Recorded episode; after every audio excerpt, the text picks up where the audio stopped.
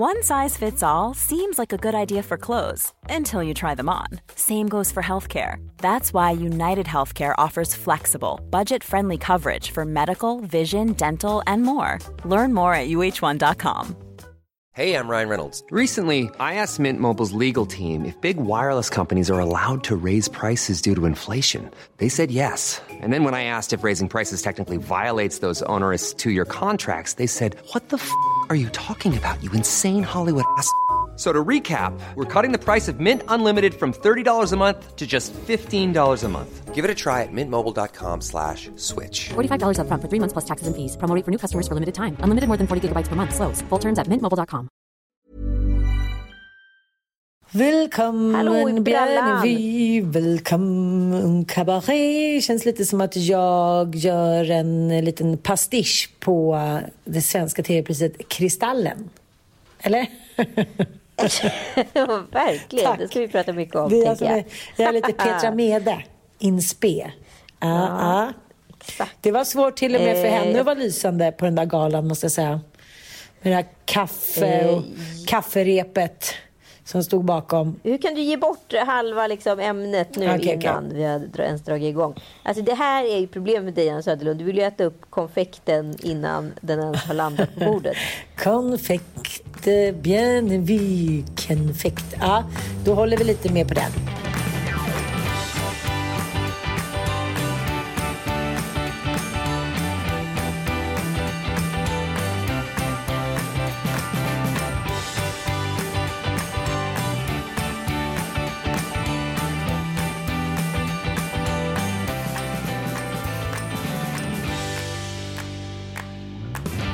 Det var ju tur att inte du var Kristallen. Nej, det behöver inte säga. programledare för att även om det var sisådär så om du hade stått bakom spakarna då hade det ju varit rena kaféprogrammet. Det hör man ju. Ja, jag måste ju också säga att jag blir ju faktiskt... Hon, hon, hon denna där. Eh, Petra Mede är en av de få svenska programledare som kan få mig att så här, både skratta till och skämmas lite hemma i tv-soffan som är inte allt för nedsliten nu för tiden i det här hemmet. De gick fram. Vi, ja, vad har du gjort sen vi såg sist? Jag vet inte. Jag kan, jag- det känns som jag har försvunnit i tio dagar. Jag vet. Jag vet, jag vet, jag alltså, på riktigt, jag har faktiskt ingen aning om vad jag har gjort. Jag kan inte så här, just nu är jag så, är så jobb, eh, utbränd. Så jag, faktiskt, jag, jag kommer typ inte ihåg vad jag har gjort. Jag- Skulle du fråga mig vad jag gjorde i helgen skulle jag nog på rak arm inte kunna svara. Det är helt sjukt. Ja. Du har sålt en sommarstuga. Ja, alltså, gud, sommarstuga. Du, du, du nedvärderar honom, henne. Gud, det, det lät verkligen som att Friggebod. Nej, det lät som att så här, nu, när, nu när skiten är såld, nu kan vi bara nämna det vid sitt rätta namn. Nej, ja, nu är det sålt och... ehm, Hur känns det då? Du och Öjn, ska ni skiljas åt nu? Du och Öjn. Jag vet inte. Det är lite som när man, så här, när man var yngre och tog slut med en kille och man visste inte att man gjorde, om man gjorde för att killen inte var tillräckligt het. Eller fast man verkligen inte var kär i honom längre. Så är jag lite med Öjn just nu. Oj, oj, oj, spännande. Ja, jag, jag tycker det. Men jag tror också att du vet ju hur det är själv när man har så här bestämt sig för att sälja. Man håller på och fixar och men du vet, in i det sista, målar, försöker få tag i människor som kan hjälpa en att fixa det. Man målar dörrar, man klipper gräs. Man försöker liksom få stället att se ut som one million dollar. Eh, och sen helt plötsligt så är det över innan visning. Liksom. Det blev bara Det är lite... fantastiskt? Ja, det är lite som, som ett sånt... Jag kommer ihåg när jag... det känns så elakt. Men jag var ihop med en kille. Han var typ... Han måste ju ha varit 18 för han körde taxi. Och jag måste då ha varit så här, ja men 16 då. Gick i första ring. Och vi skulle då... Eh, Skulle du idag hoppa in i bilen med en 18-årig taxichaufför? Förlåt, jag måste bara fråga. vad, sa du? Nej, men det kunde man ju gjort, det kunde man ju gjort på 80-talet, men idag skulle man ju inte göra det. Nej, jag vet, jag vet. Men det är så mycket som är otroligt mycket förändrat. Man frågasatte inte så mycket, man hakade liksom bara på. Ja, Ja, jag pratade om det där. ja fortsätt. Ja, hur som helst, vi skulle gå hem då. Eh, ja, men han hade någon etta där på Hornsgatan och ja, men vi skulle väl ja, få till det lite där då. Den här sunkiga ettan på nedre botten, där man inte såg ut genom fönstren. Och så satte jag igång och hånglade lite och sen så bara så blev det tyst. En liten... Men lite som en eh, pyspunka. Du vet så här. Jag var lite het. Vart då ifrån? Från nederregionerna. Från hjulen. Från hans eller från dina? från slangen. Från slangen? Nej.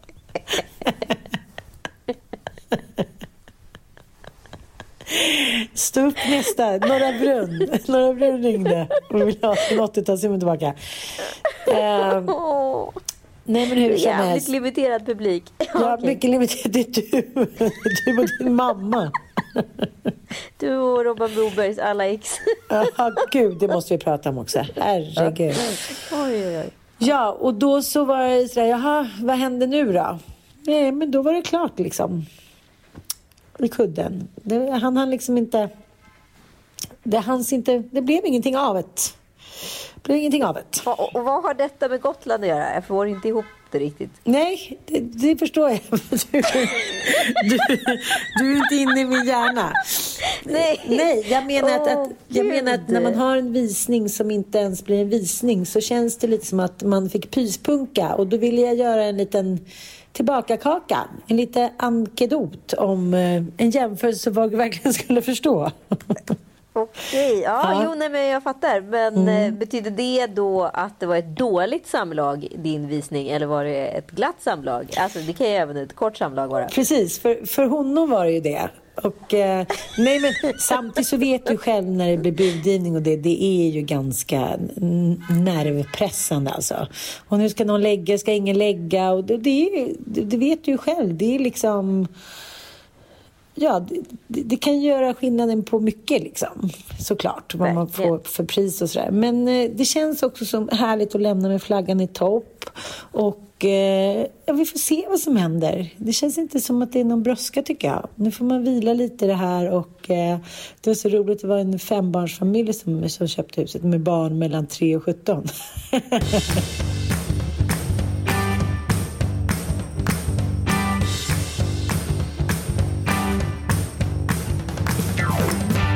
jag måste läsa upp ett eh, lyssnarbrev här och ah. gratulerar såklart till mm. din försäljning, kära vän. Mm. Eh, så tacksam för ert... Framförallt ska det bli spännande att se vart du tar vägen nu. Vart någonstans kommer du gå och känna in vart du hör hemma?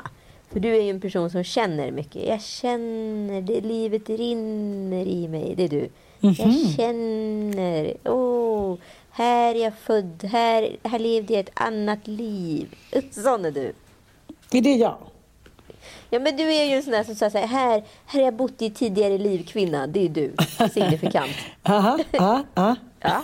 Vadå? Håller du inte med? Jo, det kanske du skulle, jag gör. Du skulle kunna yt, du, annars finns det ingen annan som kan ligga under en PMS och känna sig som en tantalura som Nej, men jag tror att jag, har, att, jag, att jag har varit, i alla fall kanske inte en dronning, men en matrona. Jaha, för nyss var det ju en bondmora som ja, det, levde och ja, plågades men det har varit många olika liv. Det har varit många olika liv. Ja, ja. Okej, okay, så det, vi får se vad nästa liv tar vägen då. Mm. Vart det har levt någonstans. Nu är ju uppenbarligen stängt Gotlandslivet för en, ett tag framöver. Ja. Okej, nu ska jag läsa. Mm. Så tacksam för ert senaste poddavsnitt där ni belyser det utbredda problemet med sjukdomsbenämnda livskriser. Jag har i många år jobbat som chef med och för unga människor där det är idag väldigt utbrett med problemet psykisk ohälsa. Det är en fin linje mellan att vilja förklara vad som ingår i livet och avgöra om det verkligen behöver vård. Jag som 40 plus, precis som ni, har ingen annan inställning till att just behandla livskriser och acceptera vad jag precis upplevt upplever att många yngre har. Detta trots att många av deras föräldrar är typ min ålder. För några år sedan hade jag äran att få vara på en föreläsning med den fantastiska Ulf Lidman som pratar om just detta tipsar alla att ta in honom och prata just om livskriser versus sjukdom. Trogen lyssnare älskar er, ni smarta, roliga och analyserande. Tack! Tacker, tacker. Ja, men spännande. Det verkar ändå som att ämnet har ja. Eh, dragit igång lite. Det är ganska många DM på det här, inte så många eh, kommentarer eh, med både liksom, eh, eh, smekningar och späkningar, höll jag på att säga. Mm. Jag har fått också eh, några DM om att de tycker att det är bra när vi, eh, när vi går in lite clinch. Som när jag anklagade dig för dubbelmoral i avsnittet. Aha. Ja, men det, det verkar vara en, en... Så finns ju en sida av våra poddlyssnare som är Ann. Mm. Och så finns det en annan sida som är Anita. Eh, och de tycker ju uppenbarligen om när vi duvar till varandra. Precis Ja. som när jag eh, duvade till dig en morgon när du var jävligt sen. Ja, men, men det, var, det var ändå lite roligt för jag svarade ganska kort. Tack, för, eh, tack för beröm. Intressant. Eh, ja, men alltså, det var inte meningen att det var kort. Jag bara jag hade varken ork eller tid eller lust att gå in i någon, eh, något långt svar. Så jag säger tack för att du eh, kommer med intressant feedback och sådär. Kram, kram. Och då så skrev hon tillbaka så här, ja, jag skulle skicka till Anita också, men jag har inte hennes mail. Keep up the good work. Ungefär som att hon hade liksom snackat skit om dig och jag blev förnärmad och skulle hon be om ursäkt. Nej, Jag tyckte det var lite gulligt. Så det var inte det att hon liksom, hehe, Anita, utan det var bara att hon, eh, nej hon ville bara säga att hon tycker att det är härligt, det är så få liksom, kvinnopoddar där man kanske går in i polemik eller trycker till varandra lite då och då. Hon tyckte bara att det var uppfriskande. Liksom. Ja, jag, tror att det, är liksom, det är lite fler nu än vad det var tidigare i alla fall. För då var det väldigt mycket att, att kvinnor ska stå för den goda stämningen i Ja. salongen. Eh, det kan ju bara, både du och jag skriva under på att så, det jobbar inte vi hårt för. Nej, men vadå, det, det blir ju bara löjligt. Det är inte så livet ser ut. Och det tycker jag, liksom, de flesta killpoddarna i intervjuer och så här berättar att ja, man, ja, men det, ja, det är tufft att så här, snicksnacka liksom, flera timmar i veckan och alltid ha samma åsikt. Det är inte, då blir det ju inte på riktigt. Nej. Okej, men kanske vi ska sluta rulla oss i vår egen sal. Vi är förträffliga. Varsågod Ann Söderlund, take it away. Du har såna jävla roliga ämnen den här dagen. Men nu när vi ändå är inne på eh, svin, eller vad säga, så, så är det ändå intressant med de här folkkära arslena som går bort. Och som vi kanske kan säga lite gick bort i rättan tid innan metoo kom. För då hade de nog inte varit så folkkära längre. Nej men gud vad många gobbar där ute ska... Eh, deras memoarer hade sett lite annorlunda ut. Eh, post metoo, det kan man väl minst sagt säga. Nej, men jag, jag tycker att det är ganska intressant för att det har kommit ut en ny biografi om Robert Broberg som jag för övrigt alltid har tyckt väldigt, väldigt mycket om. Den passade lite min liksom, sinnesbild av vem jag ville vara, jag och mina kompisar, Frida och Åsa, vilka vi ville vara under gymnasiet om du förstår vad jag menar. Jo, men jag, alltså, så jag har ju vuxit upp också med Robban Broberg. Dels så såg han ju ganska bra ut, det kan man Ja. inte sticka under stol med. Nej. Och sen när man var barn så var han, han hade ju såna här randiga liksom, tröjor och lite färgglada spexiga liksom, jackor. Han var ju som någon så här clownhybrid med knasiga texter. Och pillemarisk på ett charmigt sätt sådär. Och han flörtade med både mamma och dotter på samma sätt på något konstigt. Jag vet inte, han hade någonting. Så man, man blev liksom så här, jag blev i alla fall väldigt glad som barn när jag såg honom. Ja, vi så lyssnade väl- jag faktiskt om utav en slump här om året på eh, några av hans låtar och inser att men det här är ju ett ärkesvin. Alltså, vad är det för jävla texter? Jag vet, vi kan väl lyssna lite på eh, bland annat eh, Uppblåsbara Barbara. Mina damer och herrar, här kommer underbara uppblåsbara Barbara.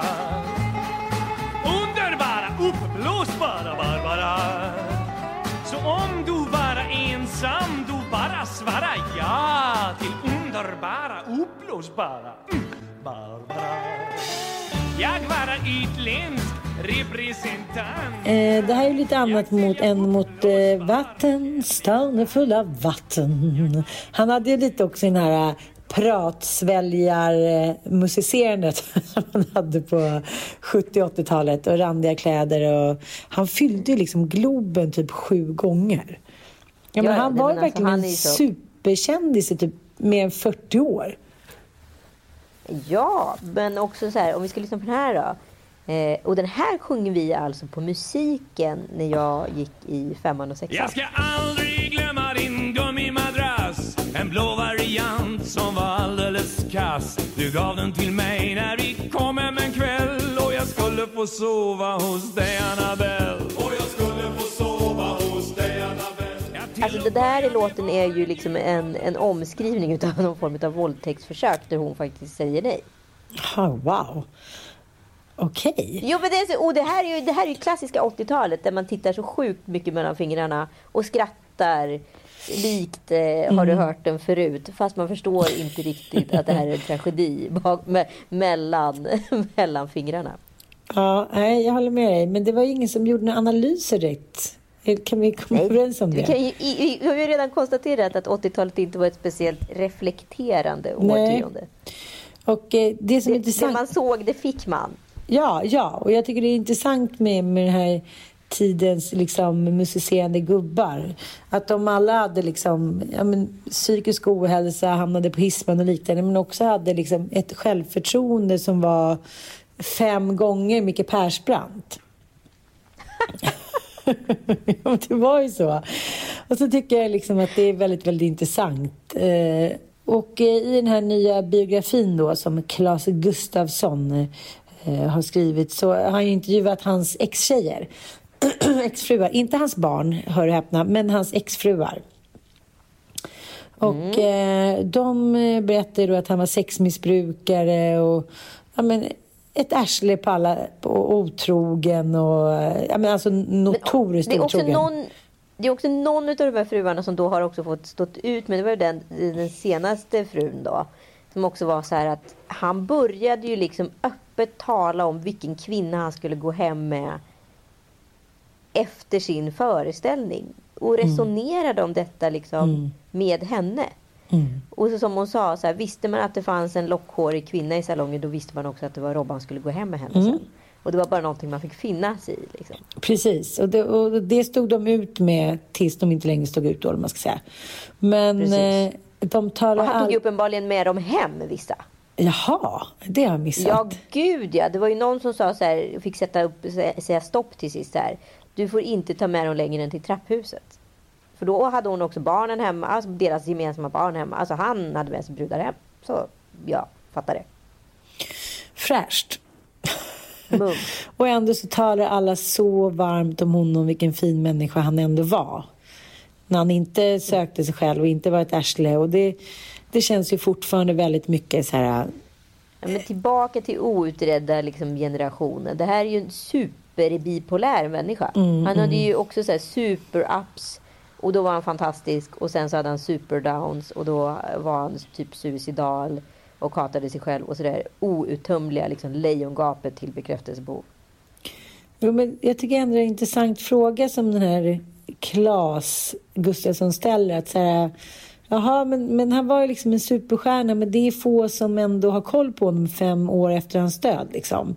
Och det, jo, Fan vad hemskt! ja, Ja, men, men fatta vilken tidskapsel Ja. 80-talet var. men då tänker man så här, ja, men det handlar ju mycket om att han sökte sig själv och inte gillade det han hittade. Men, men det kanske handlar mycket om att personkulten, den typ av människa som han var, var så levande och tog så mycket plats. Hade så mycket självförtroende.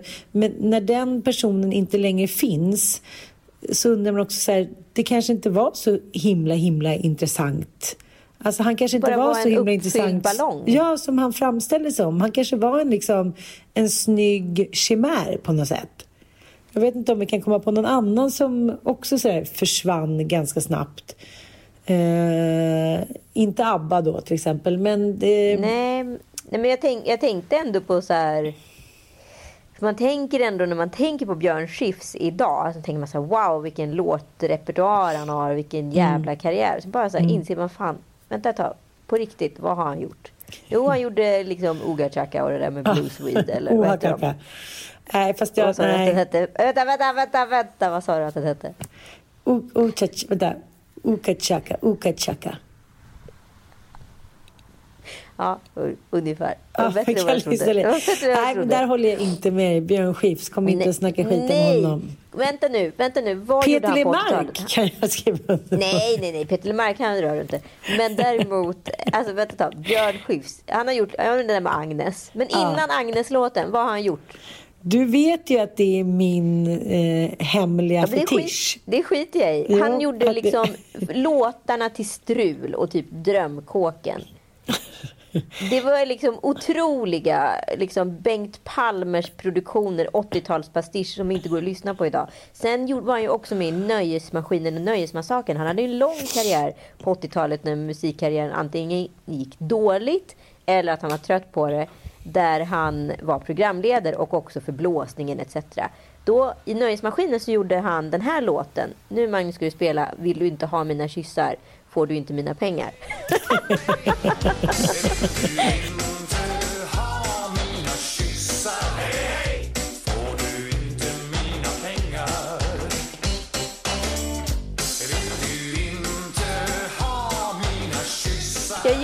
musiktävling i somras, eller en musikquiz på min story. När vi åkte bil. Perfekt billek eh, faktiskt, kan jag tipsa alla. Låtar som har klarat metoo eller inte. Och där kvalificerade faktiskt Robban Broberg in med två låtar som var precis de här vi spelade. Som inte klarade metoo. Och den här var också med på den listan. Så jag skulle vilja säga att Björn Skifs, nej, han hänger, han, han står skralt till måste jag säga. Aha. What do you know that I don't know about? Sen så kommer ju han överleva metoo för han har aldrig varit asshole vad man vet. Men liksom, ha- hans låtrepertoar är väldigt mycket tunnare än vad man tror. Hans röst är bra däremot. De har ju ändå varit så här schyssta rek och karaslokar och pappor. De har inte varit den där Cornelis Vreeswijk, lättsårade, Han hade ju otrogna inte klarat typen. metoo. Han hade inte klarat metoo. Vilka män hade inte klarat metoo? Eh, 99 Vilka män har klarat metoo? Ja, jag, det, jag är chockad över att vissa män har klarat metoo. Det har Ja, ju bara som handlat om Joakim flyg. Lundell. Att han har klarat metoo. Att han har kommit ut som en form av folkhjälte. Ja. Alltså så här, jag, jag kan ju skratta åt det idag och jag får ju verkligen skylla mig själv. Men mycket orsaken till varför han är där han är. Det är för att jag var projektledare utav Kungen av Tylösand. Och jag kom på att jag ville göra ett svenskt Jersey Shore och hittade en artikel med honom och hans polare i någon liten lokalblaska där de kallar sig för Partille-Johnnys. Partille-Johnny, Eh, ja. Ja, det är en typ av Jersey Shore. Mycket spraytan, svartfärgat hår, spretigt. Var så den här killen borde vi kasta till det här programmet vi funderar på att göra i Tylösand, sa jag. Ska vi leta upp honom? Jajamän. Och på den vägen var det. Och nu står han där och plockar hem kristallen. Just ja, han tog ju hem en kristall. Här. årets program. Alltså framför liksom Bäst i test och... alltså det var ju ganska ordentliga jaw drops på precis alla som stod där och försökte hålla masken. Men det var svårt. Ja, men hur är det ens möjligt då? För vi har ju pratat lite om det där. Att tv har ju liksom fått någon ny storhetsera. I och med, det hade ju satt igång redan innan eh, corona, men det fick ju också en ordentlig skjuts tror jag, eh, av just eh, covid, att alla sitter hemma och eh, kollar på skärmar och tv och kanske också längtar tillbaka lite till forna eh, traditioner, DDR-Sverige, kan jag tänka mig. Ja men absolut. Men, eh, det, det, det är ju så här, det är ju lika många eh, storproduktioner idag. Alltså svensk television har inte gått så här bra sedan eh, liksom Robinson-eran, det vill säga slutet på 90-talet eh, och början av 2000-talet när man hade liksom runt 30 egenproduktioner där alla hade kollat på svensk tv.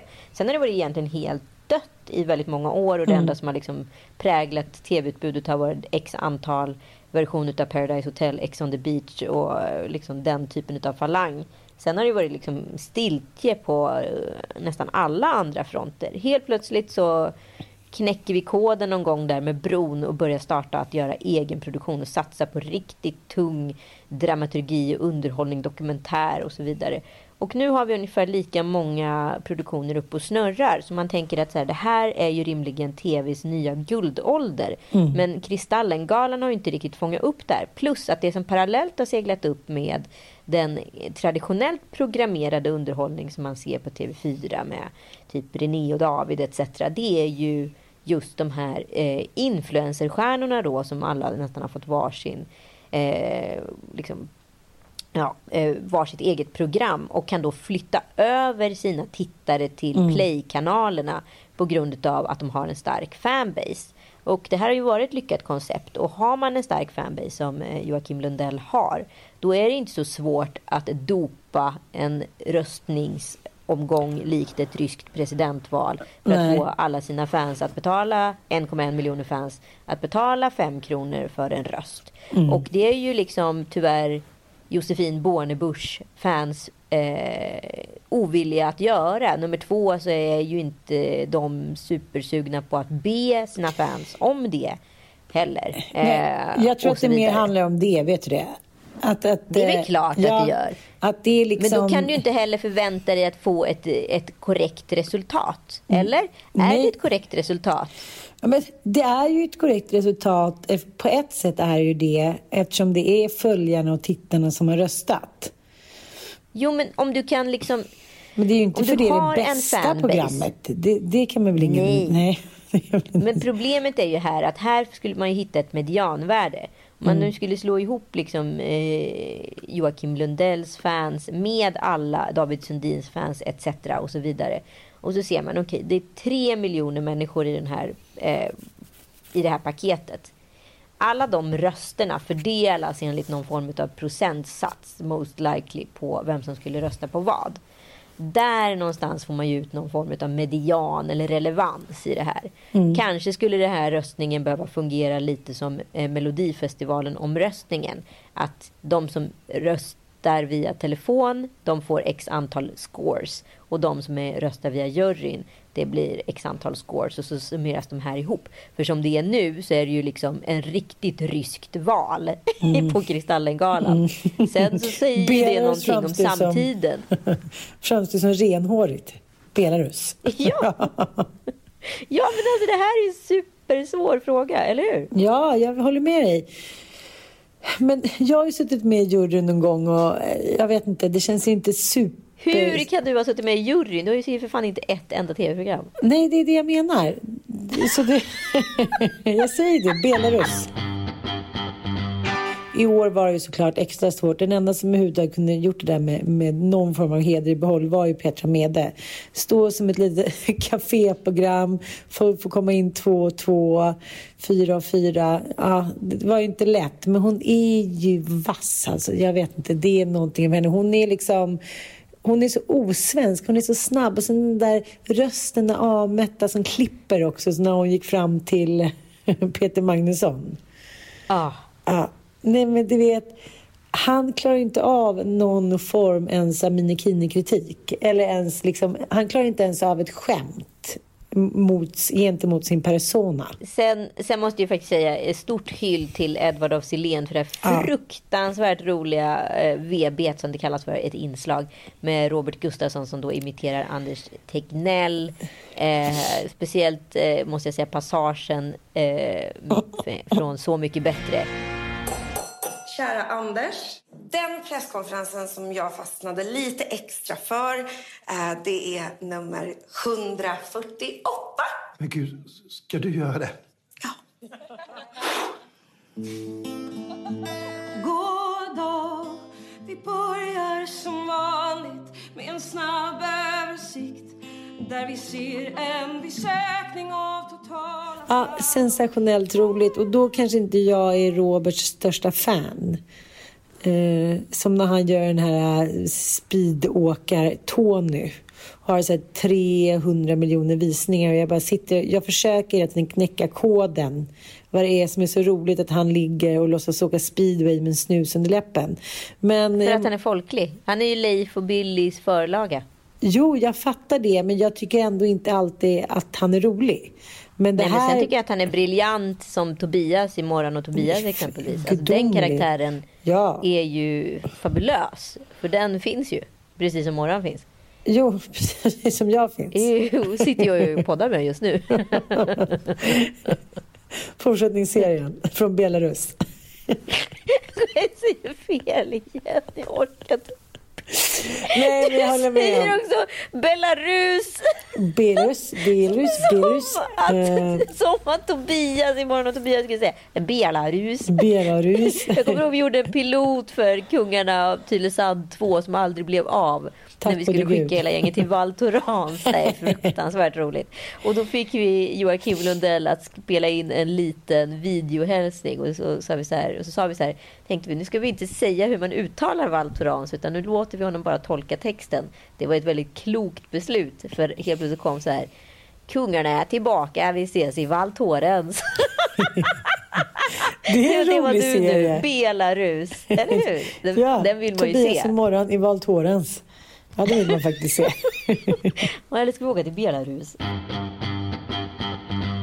Ja men är det spiket i kistan för Kristallen eller inte? Det är det vi undrar. Men det undrar man ju varje år. Det har väl aldrig varit någon riktig spik på någon av kristallerna? Smånubb. Jag kommer ihåg när jag själv var programledare med Rickard Olsson. Direktsändning. När Ja. har du varit det? Med det, det mest galna löshåret i svensk tv-historia. Det var Gud, liksom... den här bilden måste jag eh, leta upp. Men Charlotte Perrelli slängde i väggen i någon liten guldgalablåsa. Så var jag nominerad också, så det blev lite som Fawlty Towers. Jag sprang upp och ner då. Ner och satte mig, blev filmad eh, för Söderby. Åh herregud. ja, det, eh, men, ja, det, är kul att, det är kul att tänka tillbaka. Kvinnan som försvann. Mm. Kvinnan som försvann. Ann Söderlund. Vad hände? Vad hände med din tv-karriär? Jag vet inte, jag tänkte att jag skulle ta tag i den igen faktiskt. Eh, Är det så? Ja, det har blivit... Alltså, det, shit, vad vi, det har varit mycket podd senaste åren. Ja, men alltså jag tänker mig så här, tröttnar man inte på TV-media? Nej, inte du. Du är perfekt för tv i och för sig. Ja, det är det jag också tänker. Så jag måste, jo, men det gör man ju som allting. Det vet du ju. När man liksom suttit och randat artiklar i några år så håller man på att kräkas på det. När man gjort mycket tv så kräks man på det. Det är bara så... Alltså, att vara en Gry Forssell-programledare, det har ju liksom aldrig varit attraktivt tycker jag. Eh, Nej, alltså det är kanske inte alla som har den möjligheten heller. Så Nej, inte bara säga här. absolut så, inte. Hon Men, är nej, men jag, jag, har, jag är själv en oerhört eh, rastlös person så jag förstår precis vad du menar. Men eh, någonting som jag tycker är väldigt spännande det är ju då människor som försvinner. Och Mm. sen kommer tillbaka som iscensätter sitt försvinnande. Och då är det bland annat eh, Olivia Newtons exman. Jag tycker... Olivia Newton-John, ja, en liten alltså Newton-John, Grease Olivia. Grease. Sandy. Ja. Eh, hennes då eh, pojkvän Patrick McDermott som var en eh, korean-amerikansk filmare eller kameraman. Han försvann ju då 2005. Eh, Ungefär samtidigt som din tv-karriär. Nej, det lite senare, lite senare där. Och eh, tre år senare så var ju hon omgift. Så då kände jag så här... Ja, men vad fan, det skulle väl vem som helst vara, eller? Jo. Skulle du gå där och, skulle du gå där och tråna? Nej, men- Ärligt talat. alltså. Om Mattias hade försvunnit, hade du gått där och trånat i längre än en kvart? nu är du ond. Nu är du rakt genom ondska. Ja, det kanske var ledsen i tre dygn. Ja, men, ja, men okej, det kanske är sant. Jag kanske är hård. Men det är ändå, man skulle ju ändå gå och tänka på det. Olivia Newton-John säger då i ett australiensiskt tv-program för några år sedan att ja, frågan, Taya jag har ju tänkt på honom och Patrick McDermotts öde har ju dykt upp i mitt huvud lite då och då, bla bla bla. Men jag bara tänker hur man själv skulle reagera. Tänk dig själv om du eh, helt plötsligt imorgon fick en rapport om att Joel hade försvunnit under en mystisk fiske, fisketur i Enköping typ. Sk- vad, skulle du tro då? Tror du att du skulle känna som den människokännare är? Om det var på riktigt? Nej, men grejen är att det är ju en lose-lose här. För är det någonting shady, då är du ju förbannad och förkrossad för det. Eh, om det är liksom bara att, du, att den här personen har försvunnit, då är man ju också ledsen och förkrossad för det. Och dyker den här personen då upp, då skulle man ju bli ännu mer förbannad. Så man kan inte vinna i den här situationen. Alltså det finns ingenting som kan få en att ta tillbaka. Ja, men då tänker jag. Eh, sen så eh, läste jag om att Agatha Christie under sitt liv då försvann tio dagar. Alltså hon var som spårlöst försvunnen under tio dagar, blev efterlyst av sin dåvarande man som i och för sig hade precis varit otrogen, hon hade fått reda på det. Men hon var alltså helt försvunnen från jordens yta i tio dagar. Och hon har skrivit en självbiografi, gjort ett otal intervjuer. Agatha Christie, eh, för er som inte vet vem det är, så är det världens mest kända deckardrottning. Nej, men då tänkte jag, då blev jag så skrattig. För jag tänkte på, om du skulle försvinna spårlöst i tio dagar så skulle jag ju knappt ens efterlysa dig. Alltså om inte vi har en podd, det är inte, det är, och du har ju aldrig en telefon eller? Så, så jag menar, oddsen, oddsen Nej, men det är inte så att du skulle jag skulle ju inte efterlysa dig på Missing People samma dag. Det skulle jag inte göra. skulle, grundläggande så skulle du förutsätta att jag, att jag är sur för någonting. Ja. Och det jag inte har svarat på tre liksom kall. Ja. Då skulle du vara sur Ja, tillbaka det är ungefär sex dagar. Ja, dagar. Och sen skulle du vara tillbaka. nu är vi uppe i nio dagar. Nu är vi uppe i Ja, nio sen tionde dagar. dag skulle jag bli och lite sen orolig. så kanske tionde dag, då skulle du typ så Det är här. man Joel. Vad håller du på med? Och sen skulle du kanske ringa Joel. Ja, tio Fortfarande dagar. lite sur och aggressiv. Ja. Då tänkte jag på vad jag skulle ha tänkt att du hade varit de där tio dagarna om du aldrig skulle kommentera det när du kom tillbaka. ja, vad hade jag gjort då? Att jag tänker att du hade så här, varit på någon fest med massa yngre människor. Ja, men lite så här sköna, roliga, coola människor som är så gränslösa som du var när du också var runt 20 plus. Och sen hade, du, eh, hade det varit någon rikis där som hade någon, ja men ni hade liksom gjort på det ena och andra och druckit skumpa och ja men, ja men det kört på liksom. Och sen var det någon som hade haft Oj, någon oj, oj. Eh, jag tänker mycket Epstein-feeling. Ni hade haft någon eh, helikopter som hade tagit dig någonstans. Och sen hade du blivit liksom, ja, men full och slocknat och vaknat upp dagen efter. Och sen så hade det varit lite pinsamt så hade det blivit lite, kanske lite kär i någon hit och dit. Du hade bara liksom kört på i typ 8-9 dagar och sen hade du fått sån otrolig ångest. För du tänkte så här, shit jag är Joel och Lille Lördag och barnen. Och så hade du liksom tagit dig hem och smugit in och så här, förlåt. Alltså, du känner liksom inte mig. Jag blir liksom extremt provocerad. Ja, men vad hade du gjort då? Vad hade du gjort i tio dagar utan att höra av dig om du inte hade festat? Hade du suttit och jobbat på Eller- jobbmöte eller? På en liten ö i Skopje? Alltså, alternativ ett, alltid. Garanterat jobbat. Suttit och så här, låst in mig någonstans och jobbat. Och så här, typ, eller varit på någon så här kurs för att så här, Joel har sagt du har blivit för mobilberoende. Du måste lära dig att stänga av. Det är alternativ två. Aha. Ja, men typ. Eh, eller så hade jag varit så här, jag kan inte prata med Ann. För säger jag det här till Ann och jag har jobbat med något hemligt projekt, då, då är allt över. Typ en sån typ av strategi. Men det, det här är ju roligt för det är alltid du som läcker, inte jag. Så den kan du inte Ja, riktigt... Men vänta nu lite lilla gumman innan du pratar för länge här. Då skulle jag tänka att du var på så här bara vara-läger med teknik, ett teknikfritt samhälle i tio dagar. Ja men typ. Ann Söderlund tio dagar. Mm. God Till att börja med morgon. så vet jag direkt att du hade åkt till Spanien. Jag hade varit i Spanien, Spanien? Andalusien någonstans. Ja men jag hade varit i Spanien känner jag på mig. Det är någonting Andalusia. med spanjorer och dig som, som känns som det rimmar. Taxichaufför i Spanien. Fisk, fiskesnubbe. Du och jag klarar av att vara på, på eh, tyst terapi på Bara Vara. Hur länge skulle du på riktigt klara av det? Menar du tillsammans eller Nej, separat? tillsammans. Tillsammans en minut. på varsitt håll en timme. På varsitt håll en timme. Jag fattar inte folk som gör sånt där frivilligt. Det är faktiskt sensationellt tycker jag. Nej, Men alltså jag tänker att det är ju tortyr i sig. Ja, ja. Nej, jag, jag, jag skulle också vara så himla rädd för vad jag mötte. Och jag tänker också på den gamla klassiska filmen, vad heter den? Eat, Pray, Love.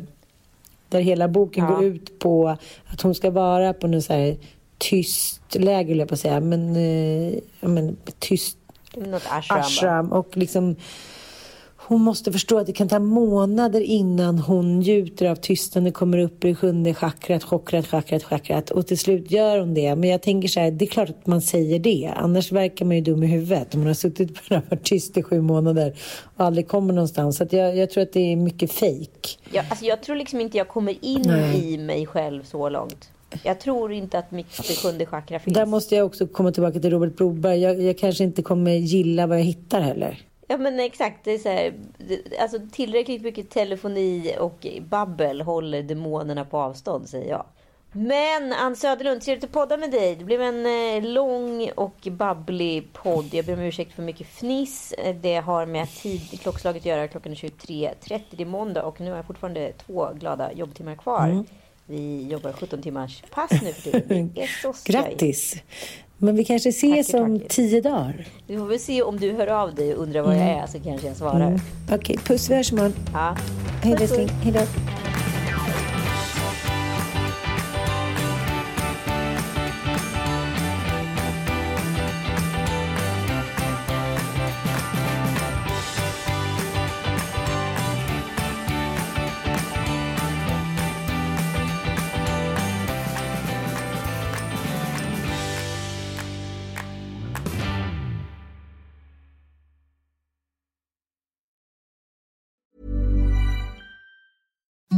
Imagine the softest sheets you've ever felt. Now imagine them getting even softer over time. That's what you'll feel with Bowl and Branch's organic cotton sheets. In a recent customer survey, 96% replied that Bowl and Branch sheets get softer with every wash. Start getting your best night's sleep in these sheets that get softer and softer for years to come. Try their sheets with a 30-night guarantee. Plus, get 15% off your first order at bowlandbranch.com. Code BUTTERY. Exclusions apply. See site for details.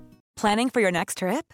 Elevate your travel style with Quince. Quince has all the jet setting essentials you'll want for your next getaway, like European linen, premium luggage options, buttery soft Italian leather bags, and so much more. And is all priced at 50 to 80% less than similar brands. Plus, Quince only works with factories that use safe and ethical manufacturing practices.